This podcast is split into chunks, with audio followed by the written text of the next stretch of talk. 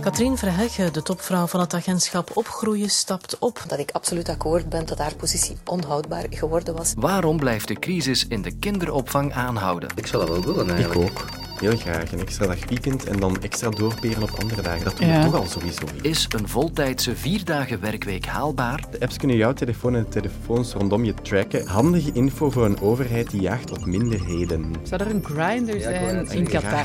En wat is er mis met de apps van het WK voetbal in Qatar? Het is vrijdag en dit is het laatste kwartier van de werkweek. Ik ben Lode Roels, welkom. Katrien Verhegge stapt op als topvrouw van het agentschap Opgroeien. Haar positie was onhoudbaar geworden na alweer een vreselijke week voor de kinderopvang. In Keerbergen moest maandag een crèche sluiten omdat een kindje met ducttape was vastgebonden aan zijn bedje. En dan was er ook nog dat hallucinant inspectierapport over de wantoestanden in Bengeltje in Oudenaarde. Mathieu Lombois van onze redactie, jij hebt dat rapport erbij genomen. Wat stond er ook alweer in? Het zijn echt heel extreme dingen, Lode. De verantwoordelijke zou kinderen geslagen hebben. Ze werden met hun hoofd onder koud water gehouden als ze niet stopten met wenen. Als kindjes niet wilden slapen, werden ze in bed gegooid. En als ze met hun handen in het toilet zaten, dan werd dat doorgespoeld, soms zelfs met hun hoofd erin. Mijn kinderen moeten al lang niet meer naar de kinderopvang, maar als vader doet mij dit wel wat. Ik hoorde vanochtend ook Gerrit Fontijnen op de radio, papa van twee kinderen. Eentje is vroeger naar die opvang in Oudenaarde geweest, de andere zat er tot aan de sluiting. Nu is de vraag inderdaad van, is er met mijn kind ook iets gebeurd? Die ene keer dat ze bijvoorbeeld een bloedneus had, was dat iets? Was zij gewoon aan het spelen een geval? Of heeft, is er daar iets gebeurd? Ehm, ook het feit dat ons, ons kind, we noemen ze soms voor te lachen de gendarme, dat ze wel heel duidelijk zo nee, stop kan zeggen, met vingerke wijzend. Wij vonden dat allemaal heel schattig, maar nu vragen wij ons af in welke context heeft ze dat geleerd? Gerrit begrijpt niet hoe die crèche kon open blijven ondanks jarenlange klachten. De blik ging dus opnieuw naar kind en gezin, onder de verantwoordelijkheid van Katrien Verhegge, die nu is opgestapt. Dat ontslag kwam niet uit de lucht vallen, want het gaat al het hele jaar over wantoestanden in de sector. Het begon allemaal in februari. Sloeberhuisje is een naam die blijft hangen. Het meisje van zes maanden dat een zwaar hersenletsel opliep in een kinderdagverblijf in Mariakerke bij Gent is overleden. Ze zou door elkaar geschud zijn door de vader van de uitbaatster. De uitbaatster, haar vader en een medewerker zijn opgepakt. Kind en gezin trekt de vergunning finaal in van een omstreden kinderdagverblijf in Schoten. Je gaat ervan uit dat, die kind niet op hem te vertrouwen is. We vinden zeker dat kind en gezin hier steken heeft laten vallen, omdat ze al jaren aan de gang was. Het wordt tijd, hè, meneer de minister, dat u eens gaat in vraag stellen of u eigenlijk wel de juiste man bent op de juiste plaats. Zo net heeft Wouter Beke aangekondigd ontslag te nemen als minister van Welzijn. overlijden van een baby in Mariakerke heeft mij meer aangegrepen dan ik aan de buitenwacht wilde toegeven. Michel van den Broek, hallo. Goedemiddag. U bent professor gezinspedagogie aan de UGent, expert in kinderopvang. Ja, meneer Van den Broek, de miserie in de sector lijkt maar niet op te houden. Waar zitten de knelpunten? De knelpunten zijn eh, niet nieuw, maar eh, ze zijn het gevolg van het feit dat we heel vele jaren, ongeveer 20 à 25 jaar, vooral geïnvesteerd hebben in uitbreiding van het aantal plaatsen en dus eigenlijk prioriteit aan de kwantiteit gegeven hebben en daardoor de kwaliteit verwaarloosd hebben. Het ging eigenlijk vooral om het wegwerken van de wachtlijsten en we hebben dus eigenlijk geprobeerd om goedkope kinderopvang te maken, maar die, die bleek niet duurzaam te zijn. En daardoor hebben we in een aantal voorzieningen echt een gevaarlijke cocktail gecreëerd. Dat is eigenlijk de combinatie van lage opleiding of geen opleiding, weinig investeren in supervisie en omkadering en veel kinderen per volwassene. We hoorden het daarnet al in de montage. De kinderopvang heeft minister Wouter Beke eh, voor de zomer de kop gekost. Nu neemt ook de topvrouw eh, Katrien Verhegge ontslag. Hoe groot is de politieke verantwoordelijkheid van wat er misloopt in de sector?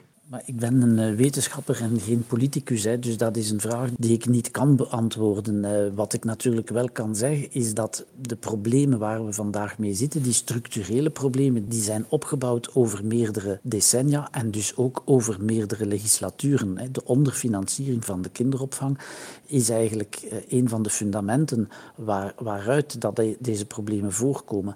Ik ga heel concreet, wij besteden eigenlijk net geen 3 euro per uur per kind aan de kinderopvang.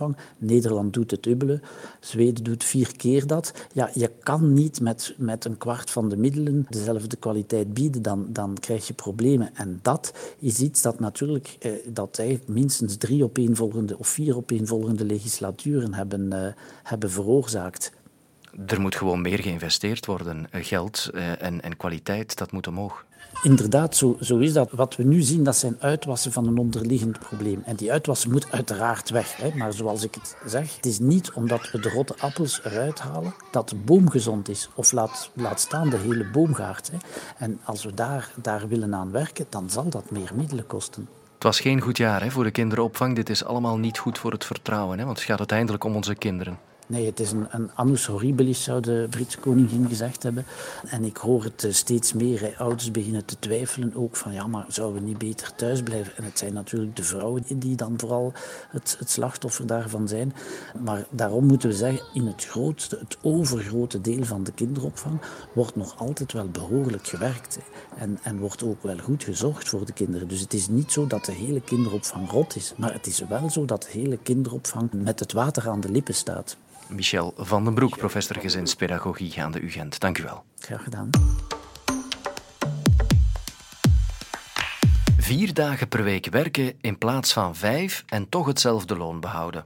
Vanaf volgende week maandag krijg je die mogelijkheid als je in de privésector werkt. Dus ik steek heel eenvoudig van wel. Geert Vermeer van SD Works zet de voorwaarden op een rij. Wat de arbeidsdeal mogelijk maakt, is dat voortaan elke voltijdse werknemer de vraag kan stellen aan de werkgever om over te stappen naar een vierdagenweek. Als je vandaag 38 uur of 40 uur per week werkt, dan zal je in die vierdagenweek ook 38 of 40 uur per week gaan werken. Uiteraard, uh, het aantal uren per dag wijzigt wel, dat zal stijgen. Dat is de logica zelf dan. Aangezien je evenveel uren blijft werken, je blijft een voltijdse werknemer, zal je loon ongewijzigd blijven. Het nieuwe systeem maakt heel wat los. We zien voor- en tegenstanders. Alana die zou het meteen willen doen, maar Casper is nog niet overtuigd. In eerste instantie was ik daar uh, ook enthousiast over, tot ik las dat België eigenlijk pleit voor een herschikking van de arbeidsweek. Naar mijn gevoel is dat inderdaad niet optimaal voor een, voor een werk-privébalans. Je krijgt er dan wel een lang weekend voor terug. Maar ik denk dat je dat dan ook wel kan gebruiken. Als je vier dagen, tien uur per dag werkt, dan denk ik dat drie dagen weekend wel, uh, wel, wel gekomen is. Ik vind dat een fantastisch idee. Um, ik denk dat je, eens dat je erin zit, dat het op zich niet uitmaakt of dat je nu twee uurtjes meer werkt of niet. Maar die ene vrije dag maakt wel, allee, die ene extra vrije dag, maakt volgens mij wel echt het, uh, het verschil op langere termijn. Het hele idee achter de vier dagen werkweek is om tot een betere work-life balance te komen. Was dat evenwicht tussen privé-tijd en professionele uren niet altijd al belangrijk? Ralf Kaars is professor in Human Resources Management aan de KU Leuven. Ja, klopt. Dus eigenlijk het uh, verhaal rond work-life balance of werk-gezinsbalans is eigenlijk een verhaal dat eigenlijk al meegaat sinds de jaren 40. We zijn eigenlijk heel lang bezig met de vraag hoe dat we die twee mooi op elkaar kunnen afstemmen. Maar laten we wel zeggen in de laatste 15 jaar dat heel duidelijk heeft geleid naar twee grote stromingen. Een stroming waarin organisaties vooral werk en privé willen scheiden. En een andere stroming waar we zeggen nee, we hebben eigenlijk toch wat meer nodig van flexibiliteit. Er zijn toch ogenblikken dat je niet van 9 to 5 op het werk kan zijn omwille van privézaken. En dan hebben we toch liever wat meer flexibiliteit, dat je ook wat privézaken kan doen tijdens het werk. En dat je dat dan compenseert door later, s'avonds, bijvoorbeeld tussen 8 en 12, toch even nog wat werkzaken te doen tijdens de privé-tijd. Ik haal er ook weer even Geert Vermeer bij van SD Works. Goedemiddag. Want ik blijf zitten met de vraag of dagen van 10 uur of meer wel haalbaar zijn. Dat is eigenlijk een afweging die je gaat moeten maken als werknemer, maar ook als werkgever dan. Enerzijds is er een extra vrije dag. Daarnaast zullen er ook wel vier dagen zijn van ja, pakweg 10 uur. Is dat wel goed verenigbaar met een uh, privéleven? Ik zeg maar heel concreet, met jonge kinderen bijvoorbeeld. Dat zal niet altijd evident zijn. Een werknemer zou zichzelf wel eens kunnen overschatten en uh, dan is het aan de werkgever om daar ja, in gesprek te gaan met de werknemer. Er zijn inderdaad jobs die fysiek heel intens zijn, waar je de vraag kan stellen, kan je dat eigenlijk wel tien uur lang doen? Dus we gaan er wel van uit dat mensen ook wel zelf zullen inschatten of dat het voor hen haalbaar is. Maar mocht het voor die mensen haalbaar zijn om zo te werken en die kunnen perfect hun mentale en fysieke grenzen respecteren, dan is het misschien niet aan de werkgever om daar te gaan zeggen we gaan er een taboe van maken, dat mag niet, we gaan dat niet toelaten. Misschien moeten we die autonomie wel aan mensen geven als zij inderdaad hun fysieke en mentale grenzen kunnen respecteren. Werkgevers zijn er niet zo happig op, blijkt uit onderzoek. Begrijpen jullie dat? Zij zien het natuurlijk als een, een mogelijkheid voor mensen om eigenlijk terug die mentale balans um, te laten varen. Mensen die thuis zaten en connectie konden maken met de bedrijfsservers, die konden eigenlijk in principe tot twee uur s'nachts blijven doorwerken. Niemand zag dat. Dus dat gaat niet opeens nu heel chaotisch gaan worden of de poorten openzetten naar de hel, omdat we mensen toelaten om tien uur te gaan werken. En voor mensen die dat kunnen, moeten we dit ook wel echt toelaten om eigenlijk productief te zijn en toch een heel goede werkgezinscombinatie te maken. Slotvraag: is dit het begin van een omslag in onze arbeidscultuur? De arbeidsdeal is eigenlijk een wetgeving ja, die verder gaat op dat elan dat we al langer zien, de trend naar meer flexibiliteit. We denken dan heel vaak uh, traditioneel aan flexibiliteit in hoofden van de werknemer, maar flexibiliteit heeft ook een, een, andere zijde. En dat is de, de, flexibiliteit die in hoofden van werkgevers meer en meer uh, aan het ontstaan is, die zij ook uh, voor een stuk moeten bieden aan hun werknemers om aantrekkelijk te zijn om werknemers te kunnen aanwerven om werknemers te kunnen behouden, om met andere woorden concurrentieel te kunnen zijn op de, de arbeidsmarkt. Thank God it's...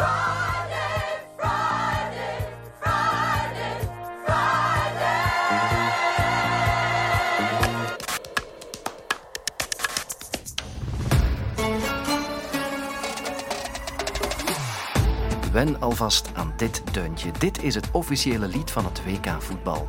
Een WK dat nu zondag start met de wedstrijd tussen Qatar en Ecuador. En over het gastland, Qatar dus, is al veel gezegd. Het heeft een slechte reputatie wat mensenrechten betreft. En duizenden arbeiders kwamen om het leven bij de bouw van de stadions.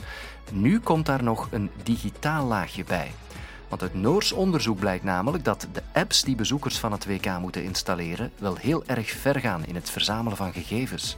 Zeker kwetsbare groepen kunnen zo gecontroleerd worden door de Qatarese autoriteiten, klinkt het. En vooral Haya, de officiële WK-app, lijkt problematisch. You have now paid for your tickets and been able to arrange your accommodation. It's time to apply for your Haya card. Heya is your entry permit to the state of Qatar. Die app geldt als toegangsticket en geeft ook recht op gratis openbaar vervoer tijdens het WK. Maar in ruil vraagt de software dus verregaande toegang tot alle gegevens op je smartphone. En of je nu in Qatar bent als journalist, Rode Duivel-fan of om te werken, je ontsnapt niet aan de app. Arthur Robrechts heeft hem ook moeten installeren. Uiteraard, uiteraard. Hij werkt in Qatar voor een groot videobedrijf. Als die niet in orde is, mag je eigenlijk zelfs je vlucht niet op. Dat is bij een aantal collega's effectief ook gebeurd, dat de Haya-app uh, niet in orde was, waardoor dat ze de, een, een, latere vlucht hebben moeten, uh, hebben moeten nemen. Dus je hebt hem nodig om het land in te komen en daarna is hij ook nog essentieel, hè? Exact. Voor onze accreditatie optalen hebben we effectief ook onze Haya-card moeten tonen. En dan zijn wij gisteren ons eens gaan informeren, bijvoorbeeld ook om tickets te kopen voor een wedstrijd. En daar heb je de Haya-app nodig. Heb je de gebruiksvoorwaarden gelezen eigenlijk van die app? Eerlijk gezegd niet, nee. Ik heb achteraf mij ook wel de vraag gesteld van, tja, welke gegevens hebben zij nu allemaal van mij? Uh, gezien dat dat ook aan je paspoort verbonden is. Uh. Maak jij je zorgen eigenlijk over de privacy? Ik moet zeggen, soms denk ik wel van in hoeverre kunnen ze hier meekijken met alles wat dat ik aan het doen ben. Maar ik probeer er mij zo weinig mogelijk vragen bij te stellen. Veel vragen dus nog. Ik leg ze even voor aan computerwetenschapper Jeroen Baart. Hallo, met Jeroen. Welke gegevens krijgen zo'n apps dan allemaal in handen? Wel, die apps die zijn closed source. We hebben er geen broncode van, van die applicaties, dus we weten niet precies wat die allemaal doen. Maar die kunnen ja, een hoop standaard gegevens opvragen van locatie, van bestanden op je, je telefoon, als je daar de toegang tot geeft, van metadata van wie je gebeld hebt, uh, wanneer je die mensen gebeld hebt.